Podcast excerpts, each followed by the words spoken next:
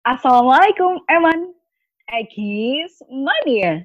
Jumpa lagi nih di Penyu, podcast yang bakal eman banget kalau dilewatin.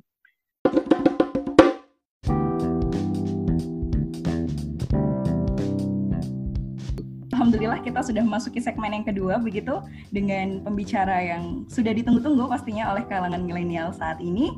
Uh, ada Mas Irsyad Al Ghifari. Halo Mas Irsyad. Halo, Ayatullah Amini. Iya, uh, Mas Irsyad, uh, ngomong-ngomong nih, kan kebetulan banget Mas Irsyad uh, dapat subtemanya mengenai seberapa penting sih ekonomi Islam uh, buat millennials di masa depan seperti itu ya. Kalau dilihat dari track recordnya Mas Irsyad sendiri kan, Alhamdulillah uh, pernah menjabat menjadi presidium nasionalnya FUSE seperti itu ya Mas ya? Betul, betul Mbak. Ya, boleh diceritakan Mas, ada kisah menarik sepertinya menuju ke arah sana? Iya, uh, sebetulnya tidak pernah sekalipun menginginkan untuk jadi Presidium Nasional POSE dan proses pengenalan saya juga pada saat awal-awal juga tidak begitu baik, tapi ternyata takdir Allah uh, mengatakan lain gitu ya. Jadi diberikan kepercayaan oleh rekan-rekan melalui Munas dan ya sudah kalau sudah diberikan kepercayaan, tugas kita untuk menuntaskan dengan sebaik-baiknya. Gitu, Mbak. Oke, iya. Jadi berawal dari uh, bukan niatan murni dari hati seperti itu, tapi tetap ada kesiapan ketika dipanggil seperti itu ya, Mas ya. Uh, mengarah ke sana gitu, Mas uh, kan sebenarnya berarti Mas Irsyad sendiri ini sudah ada pengalaman lebih di bidang keorganisasian khususnya apalagi mengenai manajemen waktu, uh, manajemen prioritas seperti itu. Uh, menurut Mas menurut Mas Irsyad sendiri nih untuk milenial saat ini uh, ada nggak sih tips khususnya gimana biar bisa jadi orang yang tetap produktif tapi tanpa melupakan prioritasnya seperti itu? Hmm, sebenarnya nanti ada di slide tayangan saya sih buat jawabannya, tetapi uh, bocoran sedikit. Oh, Oke. Okay. um, apa ya? Uh, mungkin kalau dari dari bukunya Simon Sinek, Start from Why. Jadi orang-orang yang punya kekuatan dalam uh, apa ya menjalani kehidupan, berorganisasi, kemudian bekerja, dia harus punya why. Why-nya kenapa dia bekerja di sini, kenapa dia kuliah di UNER misalnya, dan itu uh, semuanya start from why. Habis why, ada what, ada how. Gitu.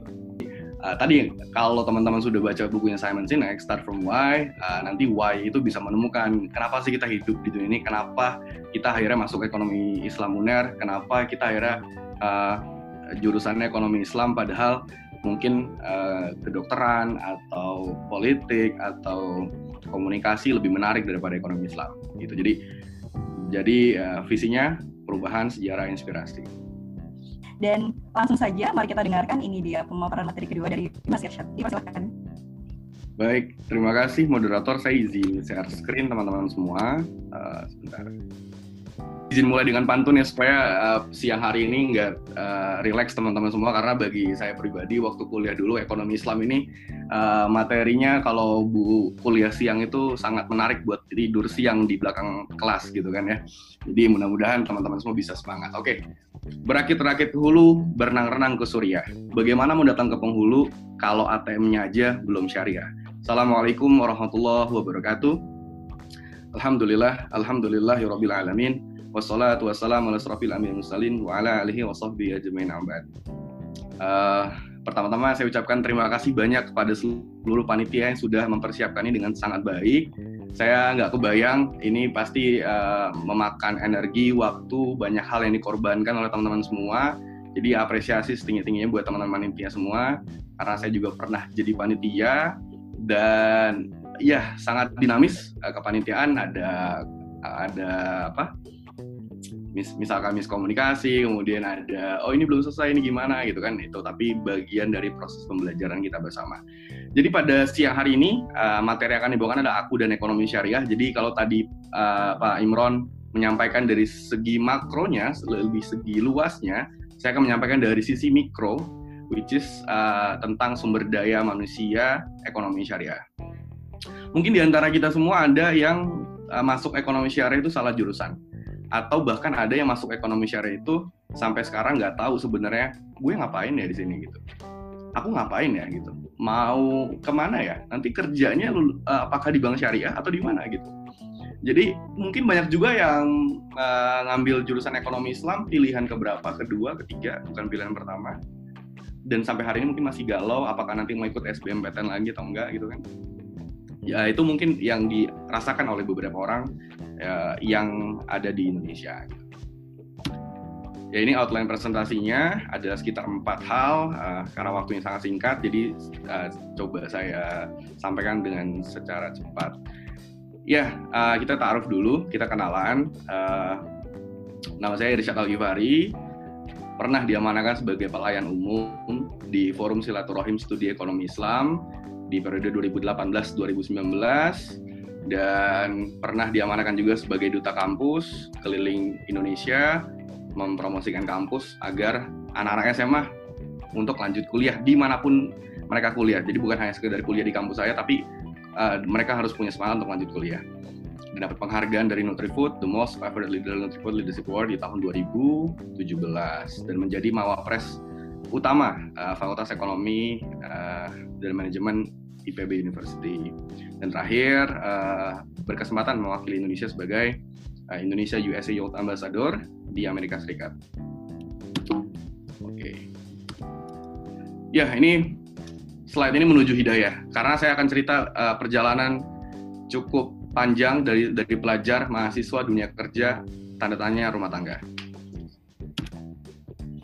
Saat menjadi pelajar, uh, jujur uh, pelajaran kesukaan saya adalah sains. Karena bagi saya sains itu uh, seru. Karena kita bisa belajar tentang logika, kita bisa belajar tentang fenomena, kita bisa belajar menganalisis, dan bagi saya biologi, fisika, kimia, matematika adalah pelajaran yang paling indah yang pernah saya rasakan selama selama menjadi pelajar di SMP dan SMA. Kecintaan dengan belajar itu memang sudah dari dari SMP kelas 8 sebetulnya. Karena sebelumnya uh, bagi saya belajar itu nggak seru. Karena waktu yang saya habiskan dulu hanya menjadi seorang anak warnet gitu. Mungkin teman-teman yang pernah lihat postingan Instagram cerita menjadi seorang anak warnet bagi saya itu uh, proses mencari jati diri start from why tadi Simon Sinek jadi teman-teman uh, kalau hidup ini hanya sebatas sebatas tentang uh, apa ya let it flow dijalanin gitu aja. Teman-teman nggak pernah punya why-nya nggak pernah punya tujuan dalam hidup. Saya kira kita akan merasakan kegalauan quarter life crisis yang begitu dahsyat. Dan proses SMP itu mencari jati diri eh, nggak uh, pernah kebayang sebelumnya yang biasa orang lain tuh kalau malam sepertiga malamnya tahajud saya main warnet. Bener-bener habis main warnet dan jauh sekali dari dunia ekonomi syariah makanya saya makanya setelah tadi adalah proses menuju hidayah. Dan uh, singkat cerita ada titik balik di mana saya mikir kok hidup hidup hidup gue gini-gini aja gitu ya. Kayak nggak pernah ada perkembangan. Gimana sih caranya bisa banggain orang tua gitu.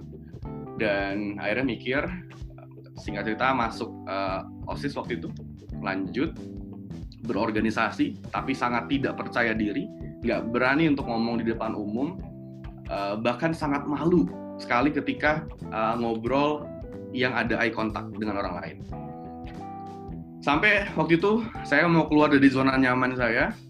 Saya maju ketua OSIS SMP. Alhamdulillah yang milih saya cuma tiga orang. Itu cuma saya, sahabat saya, sama teman sahabat saya.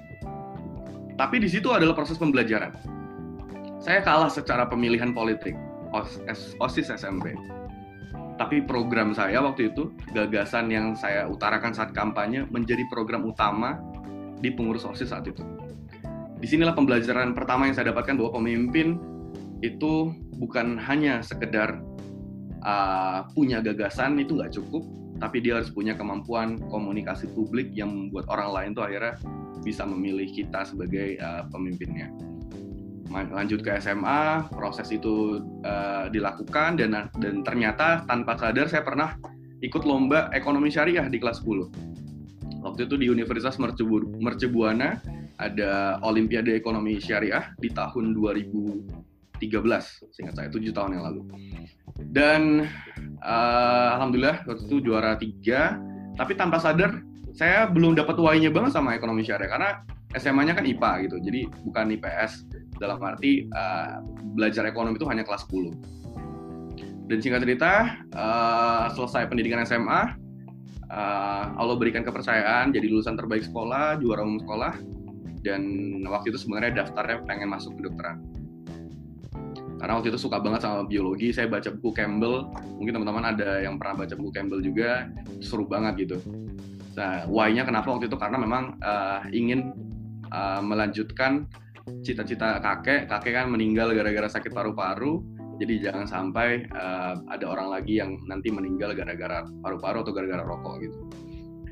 Tapi di situ ada proses kegalauannya lagi. Ternyata saya bukan tipe orang yang cocok menjadi seorang dokter. Uh, saya orangnya uh, apa ya? Kalau ngambil keputusan kadang-kadang cepat gitu ya. Jadi kalau bisa hari ini kenapa harus besok gitu. Nah, sedangkan dokter itu kan butuh ketelatenan, butuh teliti. Jangan sampai nanti saya operasi operasi pasien buntingnya masih ketinggalan dalam perut misalkan salah gitu kan. Jadi akhirnya proses-proses pengenalan diri itu memutuskan diskusi sama orang tua akhirnya ya udah milih ekonomi syariah aja gitu dan alhamdulillah uh, waktu itu proses perjuangannya juga cukup panjang. Teman-teman semua juga mungkin uh, ngalamin juga gitu ya. Kenapa saya cerita lebih banyak tentang pribadi? Karena saya me, uh, cukup mempotret uh, sumber daya manusia lulusan ekonomi syariah di dunia kerja dan di pada saat menjadi mahasiswa. Ini ada korelasi di dari sini dan nanti uh, di pengalaman-pengalaman uh, setelahnya. Dan ketika kuliah uh, sebenarnya banyak banget hal yang dilalui gitu teman-teman hmm, saya ikut Dewan Perwakilan Mahasiswa. Kenapa saya nggak mau ikut BEM? Karena bagi saya BEM uh, waktu itu di kampus saya hanya sebatas uh, event organizer. Ada hal yang jauh lebih penting yang ingin saya capai adalah critical thinking. Kalau uh, kalau uh, rekomendasi World Economic Forum di 2020 menyatakan ada 10 soft skill yang akan membuat kita bisa survive di dunia kerja yang pertama critical thinking, creative problem solving, communication, dan seterusnya. Jadi waktu 2015 itu saya sudah mencari tahu apa sih yang saya butuhkan selama kuliah. Saya masuk organisasi ini saya cari apa gitu. Kalau cuma sekedar cari sertifikat sebenarnya gampang banget. Saya bisa aja edit pakai Corel Photoshop sendiri, ada logo ke organisasi segala macam. Saya bisa desain itu atas nama sertifikat saya. Zaman sekarang uh, maaf sekali dipalsukan sangat gampang tapi berorganisasi bagi saya bukan hanya sekedar mendapatkan sertifikat, termasuk kegiatan pada siang hari ini. Bukan hanya sekedar hmm, mendapatkan RI sertifikat untuk syarat pemenuhan untuk bisa lulus skripsi misalnya gitu ya. Tapi proses kuliah yang paling mahal itu bukan slide materi kuliahnya. Tapi yang paling mahal ya tadi bertemu dengan teman di sebelah kanan dan sebelah kiri kita. Boleh jadi di masa mendatang teman di sebelah kanan dan kiri kita menjadi orang penting di negara ini. Jadi proses kuliah dimaksimalkan dengan kegiatan sosial. Saya ikut pengabdian masyarakat juga di uh, Padang Lawas, Sumatera Utara uh, selama 40 hari, uh, 14 jam dari kota Medan, dan itu benar-benar melihat potret perkembangan ekonomi syariah di desa itu sangat jauh tertinggal. Bahkan uh, masyarakat desa kita, mohon maaf sekali, uh, beragama itu hanya sebatas ritual kebudayaan jadi Yasin itu rutin tiap malam Jumat. Tapi ketika saya tanya, ini ATM-nya pakai apa ibu bapak? Pakai BRI mas, pakai bank konvensional. Kalau saya tawarkan untuk coba uh, menggunakan ATM syariah, ibunya bilang, enggak, saya nggak mau. Jadi uh, pengalaman kuliah, potret sosial dapat, potret organisasi di dalam. Karena kadang-kadang kita berorganisasi itu membuat sebuah program, kadang kadang-kadang sebenarnya dibutuhin nggak sih sama mahasiswa, sama masyarakat gitu. Jadi banyak hal yang sebenarnya kita lakukan itu wasting time pada akhirnya. Membuat sebuah kegiatan yang sebenarnya itu nggak dibutuhkan hasilnya pesertanya sedikit misalnya. Nah, kuliah juga dilakukan bukan hanya sekedar um, belajar di kelas, tapi dimaksimalkan untuk uh, apa ya mengenal fantasi reveal art, traveling ke beberapa negara. Inilah proses ketika saya melihat dunia nyata, real perkembangan ekonomi syariah dunia bukan hanya Indonesia, dan saya semakin uh, merasa bahwa negara kita punya peluang yang sangat besar apalagi pasca COVID-19 ini. Saya pernah ke Jepang, di Jepang itu ada uh, bandara, bandara Kansai International Airport. Di bandaranya itu musola sangat besar, bahkan ada peta buat wisata halal di Jepang itu sangat lengkap. Ada ramen yang enak juga di kota Kyoto itu ramen halal dan kalau mau beli di sana itu ngantri banget, itu deket-deket banget sama menara Kyoto. Mungkin sampai teman-teman ke sana dan ada yang sudah pernah ke sana juga. Dan tren tren makanan halal dan pariwisata halal di Jepang sangat meningkat. Termasuk saat saya ke Seoul, Korea Selatan, saat masih mahasiswa juga uh, di Itaewon, mungkin teman-teman suka nonton Itaewon Class ya kalau suka drakor. Itu Itaewon itu sebenarnya adalah kota kota pusat halal yang ada di Korea Selatan. Karena di Taiwan itu banyak banget makanan halal, ada masjidnya juga. Saya uh, ketemu Mr. Cho, direktur halal uh, Korean Muslim Federation, dan sudah ada kosmetik halal. Jadi sudah ada kosmetik halal versi Korea Selatan dan mereka sudah mengklaim sebagai uh, apa ya negara dengan tujuan destinasi wisata halal terbaik di dunia. Dan itu sangat uh, pengalaman yang sangat bagi saya sangat mahal.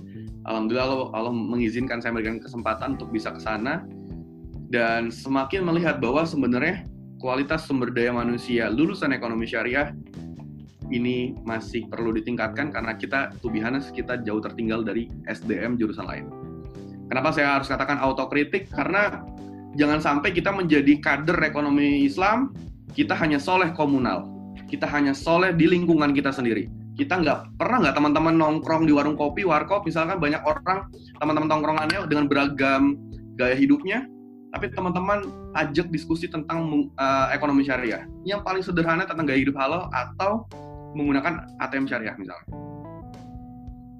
Jadi ekonomi syariah ini sudah komunikasinya sangat eksklusif, pribadi orang-orang di dalamnya juga tertutup gitu eh gue nggak mau temenan sama yang banknya banknya konvensional gitu nggak mau uh, nanti ketularan uh, jadi apa misalnya gitu kan dan ini bahkan di jurusan saya waktu itu 85% mahasiswa ekonomi syariahnya tidak menggunakan ATM syariah. Saya kalau boleh tanya juga sama teman-teman di sini juga, yang udah menggunakan ATM syariah ada berapa orang gitu? Pasti majority masih banyak yang pakai bank konvensional. Maka dulu saya nggak mau kritik banyak-banyak ke kampus ke departemen. Waktu itu uh, di himpunan bikin program gerakan ATM syariah. Jadi bekerja sama dengan salah satu bank syariah yang ada di uh, Indonesia gitu ya. Uh, bukan hanya mahasiswanya aja yang difasilitasi menggunakan ATM syariah tapi keluarganya dan masyarakat sekitar. Kaget sekali karena kurang dari kurang dari sebulan waktu itu kita terkumpul 427 rekening syariah baru jadi ada 427 orang yang menjadi nasabah bank syariah.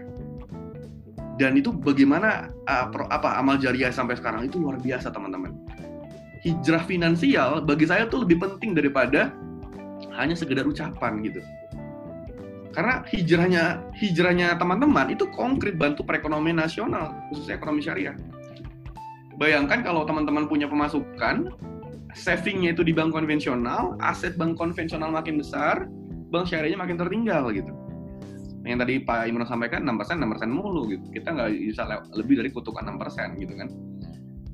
Dan itu program yang benar-benar konkret. Jadi teman-teman yang masih di mahasiswa, masih di, masih di apa KC, masih di masih di himpunan, itu bisa bikin program yang benar-benar bisa impactful gitu Bukan hanya uh, buat teman-teman pengurus organisasi sendiri, tapi banyak orang lain juga yang bisa terdampak dari program teman-teman gitu.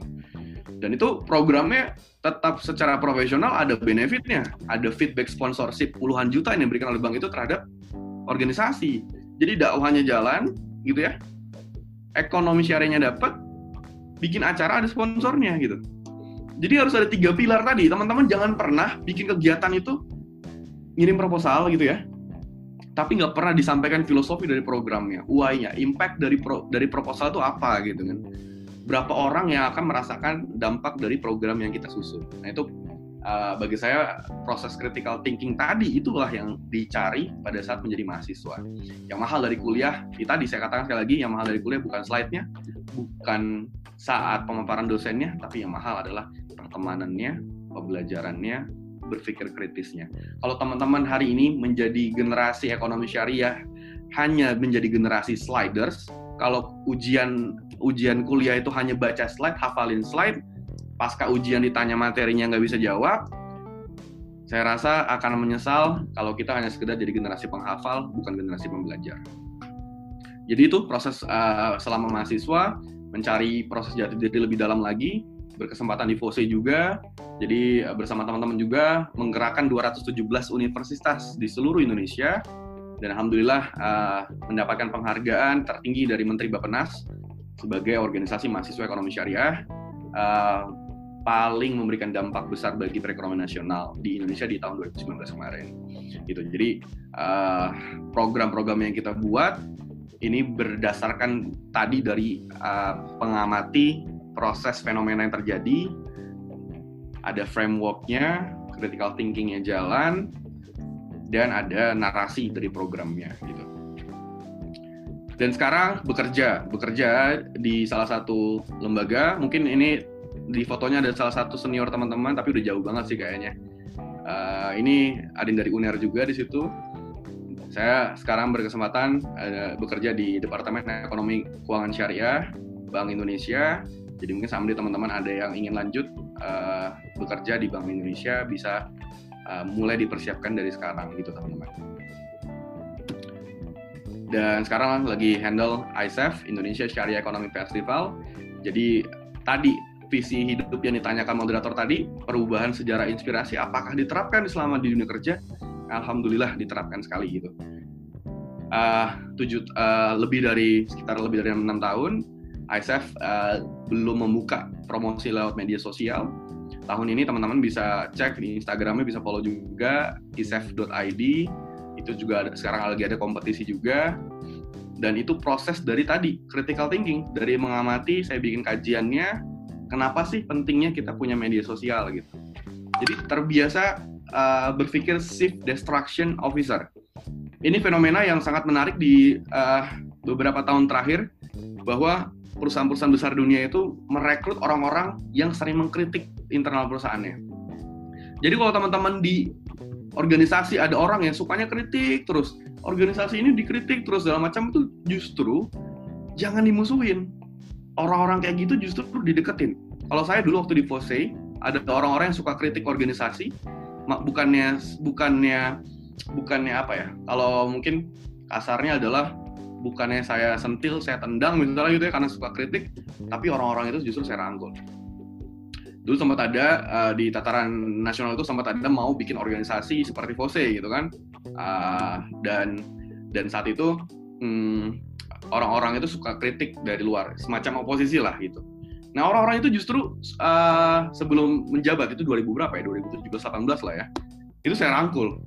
Saya tampung semua kritikannya dan pada saat ngejabat dapat amanah itu ditunaikan semua.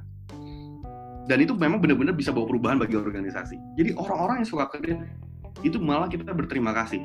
Mereka punya sisi lain yang kita nggak lihat. Justru itulah yang membuat ekonomi syariah ini bisa lebih berkembang pesat. Ada orang-orang yang suka uh, mengkritik dari dalam, bukan hanya dari luar.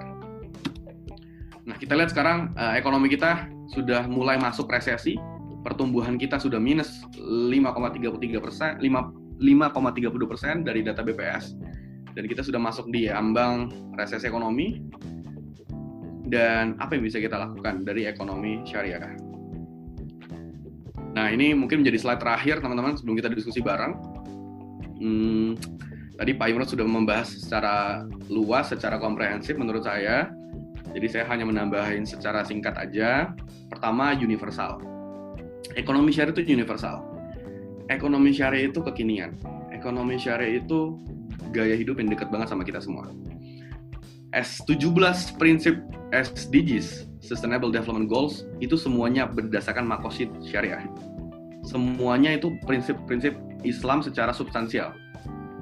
Jadi PBB sudah rilis SDGs. Saya datang ke kantor PBB di New York, di kantor SDGs langsung. Itu melihat penjelasan dia tentang bagaimana mengentaskan poverty, kemiskinan, dan mereka ternyata UN itu hari ini sudah menggunakan instrumen zakat, teman-teman. Teman-teman bisa googling di internet 2019 tuh UN Uh, salah satunya lembaganya adalah UNHCR, lembaga pengungsi uh, yang yang mengurusi pengungsi di dunia, refugee. itu menggunakan uh, funding mereka menggunakan dana zakat untuk bisa memberikan program. Di Afrika sudah ada program-program wakaf wakaf lingkungan. Jadi ekonomi syariah ini memang benar-benar uh, sangat dekat dengan kehidupan sehari-hari, sangat dekat dengan alam, sangat dekat dengan apa ya sunatullah. Jadi ini makanya bagi saya pribadi nggak bisa dibantah ekonomi syariah itu secara prinsipil. Nah cuman PR kita terbesar adalah bagaimana mengkomunikasikan ekonomi syariah ini benar-benar bisa disampaikan secara inklusif. Orang kan takut ya, non-muslim itu takut banget kalau datang ke bank syariah, nanti buka ATM syariah saya, saya disuruh baca syahadat apa enggak ya gitu ya. Jadi, bahkan saya nanya sama teman saya gitu, bro lu kenapa sih pakai bank syariah daripada bank konven? Padahal lu uh, apa ya, apa? Lu bilang sendiri kalau lu pengetahuan ekonomi syariah masih rendah gitu. Iya, set gue pakai bank syariah karena nggak ada potongannya, jadi lebih murah gitu kan Nah kita nggak apa-apa, kita sampaikan komunikasi dengan cara itu nggak apa-apa. Nggak usah sampaikan, oh ini ajaran Islam yang harus jalan segala macam nggak.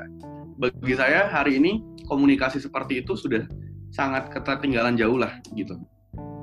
Nah kalau kita lihat juga dari dari pernyataannya John Stuart Mill, bapak ekonomi konvensional gitu ya, bahwa ekonomi konvensional itu sifatnya tidak universal. Beliau mengatakan kalau kalau ekonomi konvensional itu hanya berlaku pada daerah tertentu saja. Bahkan Adam Smith juga sudah uh, menjelaskan juga dalam bukunya The Well of Nation. Bahkan yang menariknya lagi Adam Smith mengeluarkan buku pertamanya itu The Theory of Moral, The Theory Sentiment of Moral. Jadi menarik banget Adam Smith jelasin tentang ekonomi yang punya etika, bisnis yang beretika, tapi di buku kedua dia malah kapitalis banget gitu kan. Jadi sebenarnya ekonomi syariah itu universal, nggak bisa uh, dibantah kebenarannya kalau menurut saya dan uh, karena dia berdasarkan dari Turot, dari Al-Quran dan Sunnah, dan bias dan Al-Quran Sunnah itu biasanya terjadi dari kejadian-kejadian yang pernah terjadi di masa lalu dan dikuatkan dengan fenomena-fenomena uh, pasca kenabian gitu ya. Makanya memperkuat ekonomi syariah ini sebagai sistem ekonomi yang benar-benar real, universal, yang sudah pernah terjadi sebelumnya gitu. Jadi um, uh, universal ini bagi saya uh, nilai yang sangat mahal gitu ya. Jadi saya sempat diskusi dengan salah satu profesor di Stanford, Profesor Donald Emerson. Beliau bilang hmm, ekonomi syariah itu menarik banget dan uh, nilai-nilainya saya setuju sebetulnya. Tetapi kenapa di Indonesia ekonomi syariah itu hanya sebatas bendera dan labeling? Beliau mengkritik kayak ada cafe syariah misalnya. Cafe syariah itu hanya nambahin uh, kafenya pakai musik-musik religi gitu ya.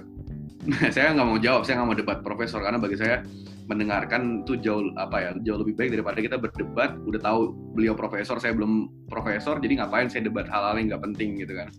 Tapi menarik sekali beliau beliau menyampaikan pandangan dari uh, sudut pandang orang luar bahwa uh, komunikasi kita sangat mengerikan gitu ekonomi syariah tadi makanya ada pertanyaan tadi bahwa apakah kita mau mengkampanyekan ekonomi syariah dengan mengubah negara Indonesia jadi negara Islam yaitu wajar saja makanya banyak yang uh, beranggapan seperti itu padahal sebenarnya sama sekali tidak.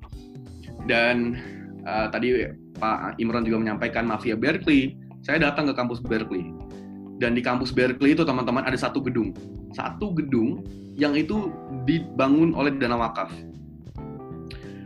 dan dana wakaf itu diperoleh dari siapa? Dari orang Indonesia yang kaya raya di Silicon Valley dan dia menyumbangkan dana 40 juta dolar untuk dibangunkan gedung universitas di situ.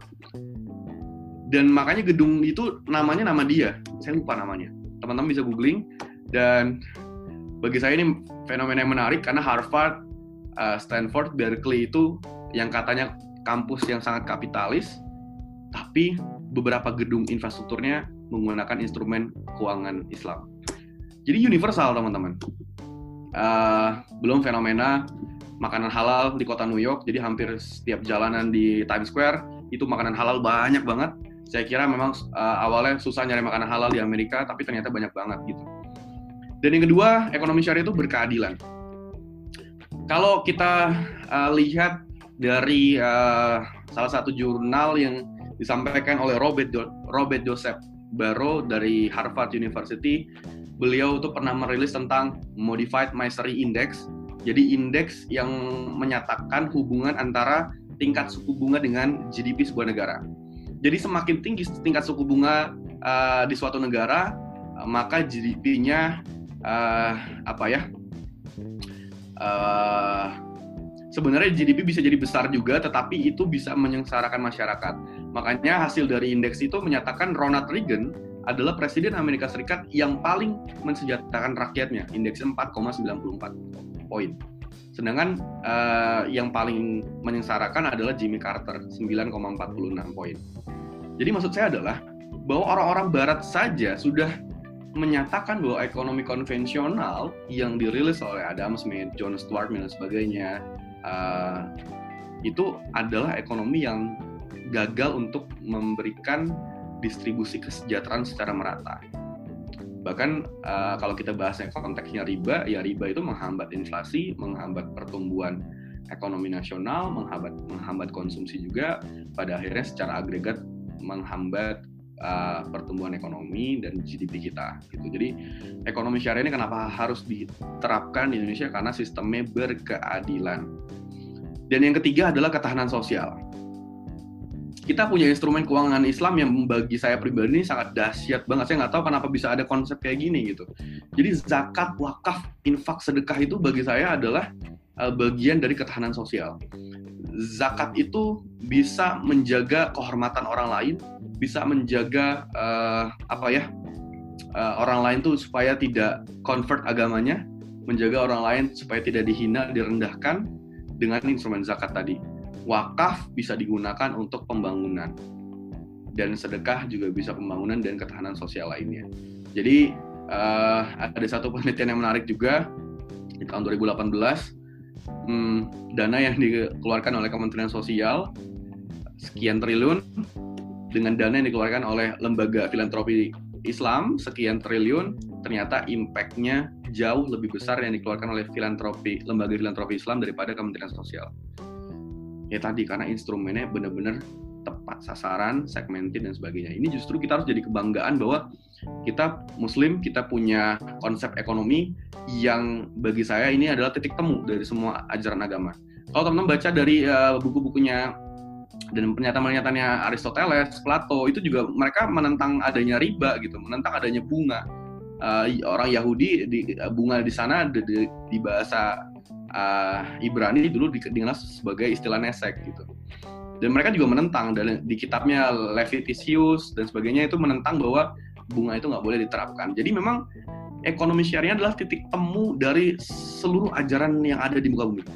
Saya pernah diskusi dengan seorang to seorang tokoh Jesuit di Indonesia, saya nggak mau sebut nama, tapi dia menyatakan Irsyad, kamu sudah berada di, di jalan yang tepat di jalan di mana kamu bisa mempersatukan seluruh umat manusia tanpa harus memaksa mereka pindah agama. Ekonomi syariah, substansinya itu luar biasa. Saya baca buku-buku dan kita-kita ajaran agama kamu. Dan bagi saya, ekonomi syariah ini adalah ekonomi masa depan dunia. To seorang tokoh Jesuit, tokoh Kristen yang sangat fanatik dengan agamanya, mengakui bahwa ekonomi syariah adalah titik temu dari ajaran agama yang ada di seluruh dunia. Yang terakhir, kesehatan dan keberkahan kesehatan, kita lihat pandemi COVID-19 ini, ekonomi ekonomi syariah hadir untuk mendampingi masyarakat. Berapa banyak lembaga filantropi Islam kita yang memberikan bantuan-bantuan ekonomi dan bergerak secara gerilya tanpa uh, memberatkan pemerintah. Jadi ini bukti nyata bahwa ekonomi syariah ini berdampak dan uh, konkret lah dan ada keberkahannya juga. Nah, tugas kita sebagai mahasiswa ekonomi syariah, lulusan ekonomi syariah nantinya, yang pertama adalah kalau Leo Tolstoy itu bilang, everyone want to change the world, but there is no one people want to change their self. Jangan pernah Anda bicara soal negara, bicara soal uh, kesejahteraan, kalau kita nggak pernah ubah diri kita sendiri. Kalau kita nggak pernah punya keteladanan. Mau ngajak kampanye ekonomi syariah, kita masih pakai bank konvensional, bagi saya um, sayang sekali kalau bahasa anak mudanya it's bullshit gitu ya.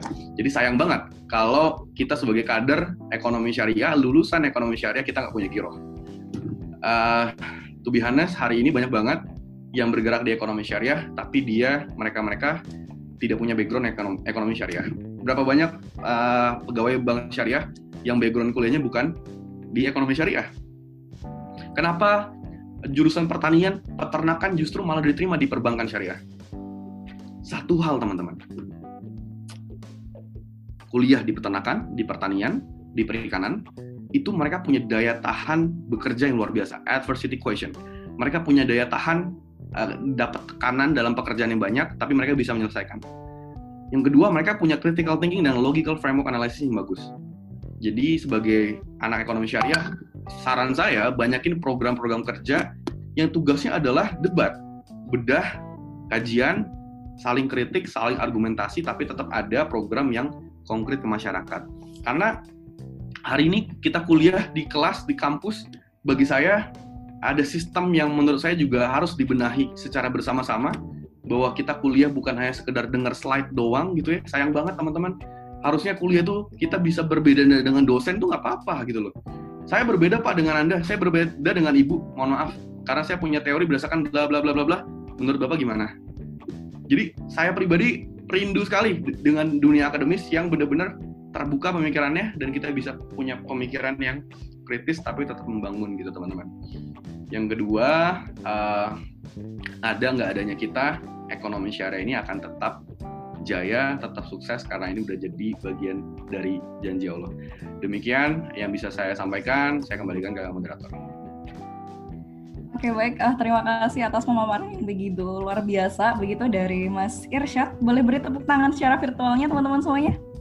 Iya, sepertinya soalnya ini uh, sudah ada yang matanya tinggal 3 watt, 2 watt seperti itu ya. Boleh di on cam kan dulu semuanya? Iya, karena pemaparan dari Mas Irsyad yang begitu menggugah semangat kita untuk kembali memaknai bahwasanya apa sih urgensi dari ekonomi Islam itu sendiri, uh, lantas apa yang bisa kita berikan kontribusi sebagai generasi muda saat ini begitu ya. Dan ya itu tadi materi dari Mas Irsyad. Kemudian kami buka sesi pertanyaan kepada rekan-rekan yang hendak bertanya. Dipersilakan. Oke, sudah ada Mas Irsyad dari Harian Syah Unair. Dipersilahkan rekan saya. Ya, Assalamualaikum warahmatullahi wabarakatuh. Sebelumnya saya Ya, terima kasih Mas Israt, Mar, Mar, Mas Irsyad atas pemaparannya. Sebelumnya, uh, makasih juga gitu kan karena Mas Irsyad ini salah satu orang yang menginspirasi saya untuk masuk ke ekonomi Islam. Karena dulu sebelumnya pernah ketemu juga ya waktu membahas tentang lembar impian di IPB kalau nggak salah. Wah, IPB, lama banget itu. Iya, dua tahun yang lalu ya. Uh, terus Mar Irsyad juga di situ kan bicara banyak ya tentang uh, ekonomi Islam gitu. Nah saya agak ada ketertarikan gitu dengan ekonomi Islam. Gitu. Nah berhubungan dengan itu Mas, saya mau nanya nih, bagaimana pengalaman pengalaman Mas Irsyad selama mendakwakan ekonomi Islam gitu kan, selama menyiarkan kan tadi kan pengalamannya juga udah banyak ya, udah keluar uh, negeri gitu kan udah ke desa-desa udah banyak lah pokoknya gitu nah selama di tempat-tempat yang berbeda itu bagaimana mas pengalamannya terima kasih Oh, baik, terima kasih Hari atas pertanyaannya. Sekaligus reuni ini berarti ya Mas Irsyad ya, anak dari Lembar Impian, salah satu proyek yang digagas oleh Mas Irsyad seperti itu. Monggo Mas Irsyad bisa langsung dijawab. Masya Allah, berarti dulu Mas Hari ini masih SMA dulu ya?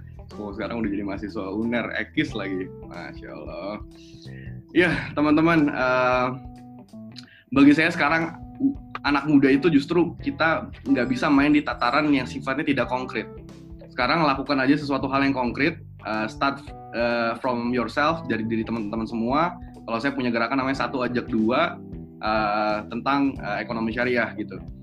Dan pengalaman yang paling berarti itu dengan stakeholder ekonomi syariah uh, selama di FOSE misalnya gitu ya. Uh, apa namanya stakeholder dalam negeri dan luar negeri bagi saya ekonomi syariah itu justru apa ya? Kalau programnya hanya sebatas kajian mau maaf sekali kalau hanya sebatas kajian kita tuh udah ketinggalan sama Elon Musk gitu. Dia udah bikin Tesla udah bikin uh, SpaceX segala macam tapi kalau ekonomi syariah kita hanya sebatas debat soal ini ini halal ini haram ini riba gitu bagi saya mohon maaf sekali kita punya substansi lebih penting daripada itu gitu. Makanya waktu dulu di FOSE itu program-program kerjanya kalau teman-teman perhatikan dulu mungkin ada yang merhatikan itu programnya benar-benar banyak yang bobotnya tuh konkret dan terjun ke masyarakat. Salah satu programnya adalah program investasi teman-teman. Uh, FOSE itu punya dana uh, punya dana lebih dari uh, lebih dari setengah miliar. Jadi uang kas organisasi kita lebih dari setengah miliar. Dan itu teman-teman bisa bisa cek juga secara berkala di website segala macam ada rilis keuangannya juga. Dan uh, kita alokasikan 110 juta. Kita alokasikan 110 juta untuk investasi di sektor real. Karena bagi saya ekonomi syariah itu tentang sektor real. Hari ini kenapa bank syariah itu dikritik? Karena bank syariah itu coba teman-teman cek laporan keuangan bank syariah. Mungkin mungkin ada yang uh, suka iseng gitu ya. Bank syariah itu justru menyalurkan kredit ke masyarakat uh, itu justru um, apa ya penyalurannya justru malah sama kayak bank konvensional gitu. Padahal bank syariah itu didirikan, didesain untuk ada ekonomi yang menetes ke masyarakat langsung di sektor real. Tapi mereka COVID-19 sekarang aja apa ya sama kayak bank, bank konvensional takut dan inilah untuk menyalurkan kredit secara secara langsung di sektor real bahkan prosesnya juga sangat birokratis gitu. Nah, uh, balik lagi tadi program investasi kami alokasikan 110 juta, 30 jutanya untuk beli sukuk tabungan. Jadi kami ingin sampaikan kepada uh, pemerintah Republik Indonesia bahwa ada anak muda, sekumpulan anak muda yang punya kekuatan walaupun kecil gitu ya cuma 30 juta, tapi kita ingin sampaikan ini simbol, ini sinyal bahwa anak muda punya uh, keberpihakan terhadap agamanya, terhadap umatnya, terhadap ekonomi syariah.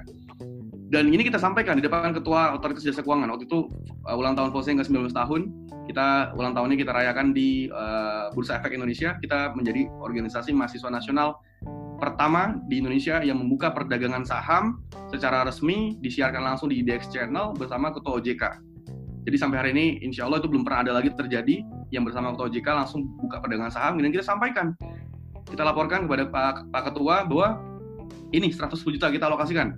Sekitar 20 jutanya kita alokasikan di pertanian, kita bantu pembiayaan juga kepada uh, salah satu lembaga crowdfunding. Jadi kita titipkan uang kita, karena kalau kita ngelola sendiri kan kita harus punya POJK-nya atau surat izin dari OJK juga kita nggak bisa langsung mengelola. Kita sampai kita distribusikan ke lembaga crowdfunding seperti Ternak Nesia, kemudian ada lagi uh, iGrow segala macam. Dan kita juga uh, beli juga saham syariah dan ini bagi saya pribadi pengalaman yang luar biasa uh, mengetuk pintu hati kepada para pemangku jabatan yang ada di negeri ini bahwa ada anak muda yang sumber daya yang terbatas tapi kita juga bisa punya semangat untuk uh, apa ini memberikan ajaran Islam dalam bidang ekonomi. Pengalaman yang lain mungkin uh, pengalaman ke kantor KPU ini bagi saya ini pengalaman yang nggak bisa dilupakan karena waktu itu bulan Februari uh, kami uh, di Fosil Nasional mengirimkan email kepada KPU naskah akademik. Naskah akademik yang membuat uh, mengusulkan bahwa ekonomi syariah menjadi salah satu pertanyaan di debat Pilpres 2019. Kita udah email, nggak ada jawab gitu kan. Hmm, ya nggak apa-apa sih nggak dijawab. Jadi saya datang. Akhirnya saya sama teman saya datang ke kantor KPU sampai di sapam tuh dijegat gitu. Mas mau ngapain? Saya mau ketemu ketua KPU. Udah janjian? belum justru saya datang mau janjian pak memang kan apa mahasiswa itu kan suka nekat gitu kan saya dulu di DPM suka demonstrasi teman-teman saya demonstrasi di jalan segala macam tapi masuk posnya nggak boleh demo lagi gitu kan. Jadi mohon maaf itu ke bawah waktu itu justru saya mau janjian pak. Yaudah akhirnya di, diizinkan masuk sama Brimob. Dan ya udah masuk ke atas uh, mau janjian nggak bisa ternyata. Memang harus appointment surat dulu sebelum memang gitu sih harus birokrasinya. Tapi ya udah kami titipkan naskah naskah akademiknya yang kami susun. Dan setelah itu ya udah kami berdoa. Mudah-mudahan ini bisa jadi sebuah pertanyaan di uh, debat pilpres. Singkat cerita di tanggal 9 9 April 2019 perjalanan menuju UNER waktu itu. Di Tamilnas UNER 2019 saya ditelepon sama uh, sama salah satu ajudan ketua KPU, Mas diundang untuk menjadi pembicara narasumber di FGD dengan panelis debat pilpres. Jadi panelisnya itu adalah rektor teman-teman, rektor UNER, salah satu panelisnya. Pembicaranya mahasiswa belum lulus, belum sidang skripsi segala macam. Tapi saat itu kami nggak ingin sendirian. Jadi kami ajak pengurus pusat MES, uh, Mas Aslam, uh, pengurus IAEI, ada Profesor Nurul Huda. Jadi kami kami bertiga, kami bertiga uh, di FGD KPU. Waktu itu diwakili sama uh, prestasi yang lain, Mas Alwani, dan kami sampaikan tentang uh, naskah akademik dari ekonomi syariah. Alhamdulillah kalau teman-teman perhatikan dulu di debat pilpres itu pertanyaan di debat terakhir debat ekonomi itu tentang ekonomi syariah. kita juga ingin, ingin sampaikan kepada dunia, kepada uh, pemerintah Republik Indonesia bahwa ada kumpulan anak muda yang punya semangat, yang punya sumber daya terbatas, tapi kita juga ingin aktif terlibat dalam partisipasi politik yang ada di Indonesia. Berpartisipasi, berpartisipasi politik bukan berarti memihak salah satu calon, tapi dengan dengan cara ilmiah, dengan cara akademis tadi. Dan yang pengalaman yang paling berkesan terakhir, waktu berkunjung um, melakukan kunjungan internasional pertama ke Malaysia, kami datang ke Bank Negara Malaysia (BNM), uh, Bank Sentral Malaysia, kami datang ke Yayasan Wakaf Malaysia, kami sampaikan kepada lembaga-lembaga di sana, kami datang bukan untuk belajar dengan Malaysia, kami datang ke Malaysia untuk menyampaikan bahwa Indonesia hati-hati 20 tahun, 30 tahun nanti ada kumpulan anak muda ekonomi syariah, ada FOSE, ada KC, bahwa kita akan menguasai dunia karena kita anak muda yang punya masa depan yang lebih panjang daripada Malaysia.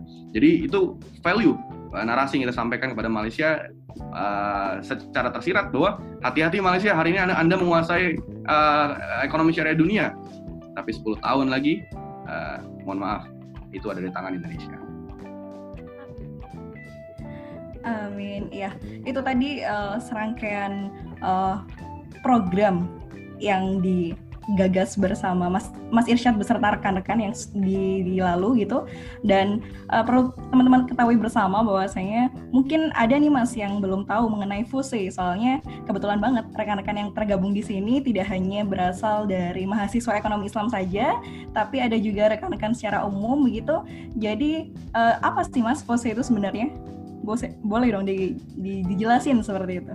Sembari menunggu pertanyaan berikutnya Ya, FOSE itu adalah Forum Silaturahim Studi Ekonomi Islam, organisasi mahasiswa ekonomi Islam terbesar di Indonesia yang didirikan pada tanggal 13 Mei tahun 2000. Sudah 20 tahun usianya, mungkin seusia teman-teman juga, dan um, menjadi sumber inspirasi didirikannya MES, Masyarakat Ekonomi Syariah. Jadi Pak Iwan Ponco itu bilang sama saya, Irsyad, uh, beliau founder, founder MES, dulu kami dan beberapa rekan-rekan yang lain itu mendirikan MES itu karena terinspirasi dari adanya FOSE. Jadi induk ekonomi apa organisasi uh, eh, LSM ekonomi syariat paling awal ya FOSE, baru MES, baru IAE. IAE itu 2006 2005 lah kalau salah. Jadi uh, saat ini sudah tergabung 217 universitas dari Aceh sampai Papua Barat. Jadi uh, sangat beragam kalau saya katakan FOSE ini adalah rumah besar mahasiswa Islam Indonesia karena sangat beragam dari latar belakang apa pun bisa ada di ekonomi syariah dan tanpa ada perbedaan sedikit pun. Jadi kalau mungkin di ranah politik mahasiswa kan ada HMI, ada kami, ada PMI, ada GMNI segala macam, itu mereka biasa berbeda. Ketika masuk POSE semuanya bersama-sama karena yang kita bahas adalah ekonomi syariah yang tadi menjadi titik temu semua golongan gitu sih. Ya betul sekali dan uh, sebenarnya FOSE itu menjadi salah satu gambaran begitu ya rekan-rekan karena uh, tidak hanya sekedar organisasi tapi dia adalah sebuah wadah yang diinisiasi oleh anak-anak muda negeri ini salah satunya dengan logo berbenah dan berdaya bersama dan terbukti bahwasanya uh, aktivitas-aktivitas konkretnya itu nyata dirasakan oleh kita bersama seperti itu dan salah satunya adalah Mas Irsyad sebagai presnas dahulunya seperti itu.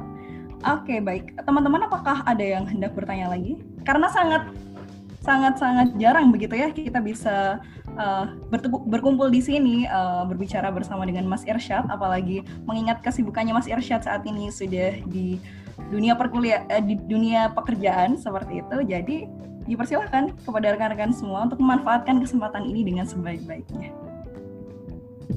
Oke. Okay. Oke, okay, apakah tidak ada yang bertanya lagi? Oke, mungkin sembari menunggu nih Mas ya, ada yang hendak bertanya tapi malu untuk mengungkapkan seperti itu atau bingung hendak menggunakan kata-kata yang bagaimana. Tapi yang jelas uh, boleh dong Mas diceritain kan sekarang Mas Irsyad itu bergelut di dunia kerja seperti itu. Lantas uh, apabila dilihat dari kacamata dunia kerja khususnya Mas Irsyad saat ini yang bekerja di BI, apakah ada uh, istilahnya dorongan begitu dari pihak-pihak uh, eh, BI, OJK yang menggerakkan atau menggait pemuda negeri ini untuk bersama-sama membangun ekonomi kita? Ya, uh, Bank Indonesia sendiri kalau teman-teman nanti mungkin someday ada yang mau magang atau bekerja nanti di DEX di Departemen Ekonomi Keuangan Syariah, uh, yang keren adalah program kerja DEX itu bukan hanya sebatas keuangan syariah, bukan hanya kita bahas tentang perbankan syariah segala macam. Bahkan di salah satu programnya DEX BI itu ada um, renewable energy. Kita concern sekali dengan renewable energy, kita concern sekali dengan uh, pemberdayaan pesantren. Jadi kita punya sekitar 211 pesantren yang dibina oleh Bank Indonesia dan kita juga punya program uh, wirausaha berbasis masjid untuk anak muda dan program-program yang lainnya menurut saya benar-benar program yang konkret langsung langsung menetes kepada masyarakat manfaatnya. Jadi ekonomi syariah itu saya setuju, riset penting, akademis itu penting, tapi jangan sampai kita berhenti cuma di tataran itu aja. Jangan sampai kita eh, berhenti di tataran yang sifatnya hanya diskusi, tapi harus ada aksi konkret yang dilakukan. Saya kira melalui ISEF, Indonesia Syariah Economic Festival, bersama puluhan lembaga ekonomi syariah di Indonesia, uh, ini sudah mendorong perekonomian nasional menjadi uh, uh, arus utamanya menjadi ekonomi syariah. Karena apa ya, untuk dunia kerja tantangannya berat sekali teman-teman. Makanya saya sampaikan uh, selamat menikmati dunia yang sangat ideal di mahasiswa, selamat menikmati dunia sangat fantasi, dunia yang perlu de penuh dengan uh, keindahan, dunia yang perlu dunia yang penuh dengan uh, apa ya canda tawa, dunia yang penuh dengan uh, romantisme kampus gitu ya. Tapi nanti kalau sudah masuk kuliah, realitas kehidupan langsung yang teman-teman bisa alami. Jadi kalau sekarang udah ngeluh, udah nggak mau untuk organisasi, udah nggak mau ikut kepanitiaan, selama tinggal dunia, dunia akan menghancurkan teman-teman. Gitu. Jadi uh, harus punya mental yang kuat, karena sumber daya manusia ekonomi syariah kita sejujurnya kita tertinggal. Jadi please banyak baca buku, banyak baca literatur, banyak diskusi, banyak debat dengan orang lain, dan jadi yang, terbaik. Kalau saya sampaikan uh, di kampus saya di, di fakultas, itu yang menjadi mahasiswa berprestasi utama di fakultas, empat tahun terakhir itu adalah anak ekonomi syariah. Jadi kita ingin sampaikan, kalau kita bicara Islam di kampus kan tabu ya, oh lu bicara Islam ini HMI ya, oh ini kami ya, udah udah udah sudah ada stigma kayak gitu. Tapi kalau kita bicaranya atas nama mahasiswa ekonomi syariah, kita bicara Islam. Oh wajar, dia ekonomi Islam, dia ekonomi syariah. Betapa enaknya dakwahnya teman-teman itu dari ada label mahasiswa ekonomi syariah. Ini mahal banget teman-teman. Jadi bersyukur menjadi mahasiswa ekonomi syariah, pergerakannya lebih luas gitu. Jadi please jangan sekolah komunal. Oke, itu tadi uh, dari Mas Irsyad dan ternyata ada yang bertanya, Mas. Tadi ada yang raise hand. Mohon, mohon maaf ya kalau raise hand nggak kelihatan. Jadi uh, ini sudah ada yang bertanya dari Mbak Asma Unair. Iya, betul. Dipersilahkan Mbak Asma. Eh, uh, sebelumnya uh, mau izin bertanya ke Mas Irsyad. Uh, Mas Irsyad, uh, kok bisa sih bisa gigi banget di bidang ekonomi Islam? Soalnya kalau nggak salah awalnya ngambil ekonomi manajemen kan ya kok bisa sampai endingnya kayak mempermajukan banget ekonomi Islam gitu dan percaya bahwa 10 tahun ke depan tuh ekonomi Islam tuh bisa ada di Indonesia gitu. Apa yang bisa apa yang memotivasi Mas Irsyad bisa sampai uh, sebegitu yakin dan gigih dalam memajukan ekonomi Islam ini. Terima kasih. Oke baik, terima kasih Mbak Asma pertanyaannya. Monggo Mas Irsyad bisa langsung dijawab. Iya, ini menarik banget pertanyaannya. Terima kasih Mbak, Mbak Asma. Uh, kenapa gigi banget? Sebenarnya saya pribadi ngerasa saya masih kurang, masih banyak yang perlu ditingkatkan lagi, masih perlu banyak belajar lagi juga. Uh, tapi sejujurnya saya anak kampung, Mbak. Saya anak kampung. Waktu kecil sukanya main layangan, gitu ya, rambut sampai kuning gitu kan, sampai alay lah pokoknya. Dan su sukanya mainnya di sungai, di hutan, segala macam gitu kan kejar-kejaran kalau ngabuburit puasa dulu saya tinggal di Lampung dulu waktu kecil mungkin ada orang Lampung juga. Dan saya korban sistem ekonomi.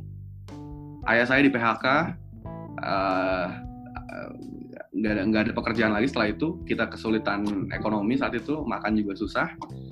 Bagi saya sistem uh, pekerjaan dan ekonomi Indonesia itu sangat kapitalis dan sangat liberal. Jadi motivasi dari anak kampung ini yang bisa coba sedikit disampaikan kepada teman-teman. Dan setiap kali ngeliat pesawat dulu waktu di waktu kecil di rumah selalu saya kayak mengeningkan cipta gitu teman-teman. Pesawat lewat tuh kayak berhenti sejenak, mikir kapan ya bisa naik pesawat gitu. Kapan ya bisa ada di atas. Bahkan saya pertama kali naik pesawat 2011 itu saya mikir ini masuk pesawat harus copot sepatu sama sendal nggak ya takutnya kotor gitu di dalam sampai sekampung itu teman-teman Jadi mungkin kita bisa punya motivasi yang kuat dari pengalaman kecil kita, pengalaman masa lalu kita. Cuman ini sudah sharing, kenapa punya motivasi yang kuat? Setiap kali seminar keren yang ada di kampus, saya selalu daftar dan saya saya selalu duduk depan dan selalu saya bawa not not kecil. Saya catat semua materi pembicara, saya catat cara pem, cara pembicaranya itu ngomong, saya catat cara pembicaranya menyampaikan, gestur tubuhnya segala macam saya analisis semuanya. Dan saya selalu ngebayangin merem di depan, merem gitu ya. Kapan ya jadi pembicara kayak kakak itu keren banget kayaknya gitu. Terus ngomongnya yang bagus banget gitu. Gimana ya bisa ngejaga semangat dia gitu. Itu setahun saya lakukan teman-teman. Jadi uh, mumpung jadi mahasiswa baru, walaupun sekarang uh, virtual gitu ya, jadi tetap punya semangat, punya motivasi yang kuat, kalau punya kampung ya balik coba flashback di kampung yang dulu majunya teman-teman hebatnya teman-teman bukan untuk diri sendiri tapi ada orang-orang di belakang layar teman-teman yang itu bisa memberikan tepuk tangan, aplaus segala macam. Nggak pernah kepikiran loh teman-teman, anak kampung yang rambutnya dulu pirang gitu ya, bisa sampai ke Jerman, ke Amerika Serikat, semuanya gratis biayanya, dan menyampaikan ekonomi syariah di sana, debat sama orang bule, sama orang Peru, orang Brazil, tentang sistem ekonomi yang kapitalis gitu. Jadi uh, waktu maba adalah momen terbaik untuk mencatatkan sejarah bagi diri sendiri dan bagi kampus Universitas Erlangga dan sebagainya. Oke Mbak Asma itu tadi uh, jawaban dari Mas Irsyad seperti itu dan uh, sepertinya sudah cukup sangat jelas gitu ya menjawab bagaimana sih uh, semangat dari seorang Mas Irsyad ini tumbuh dan berkembang gitu kan. Dan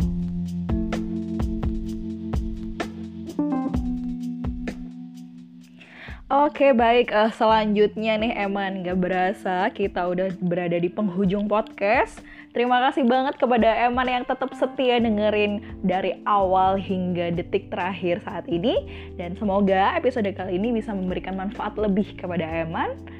Dan sampai jumpa di episode-episode berikutnya. Wassalamualaikum warahmatullahi wabarakatuh.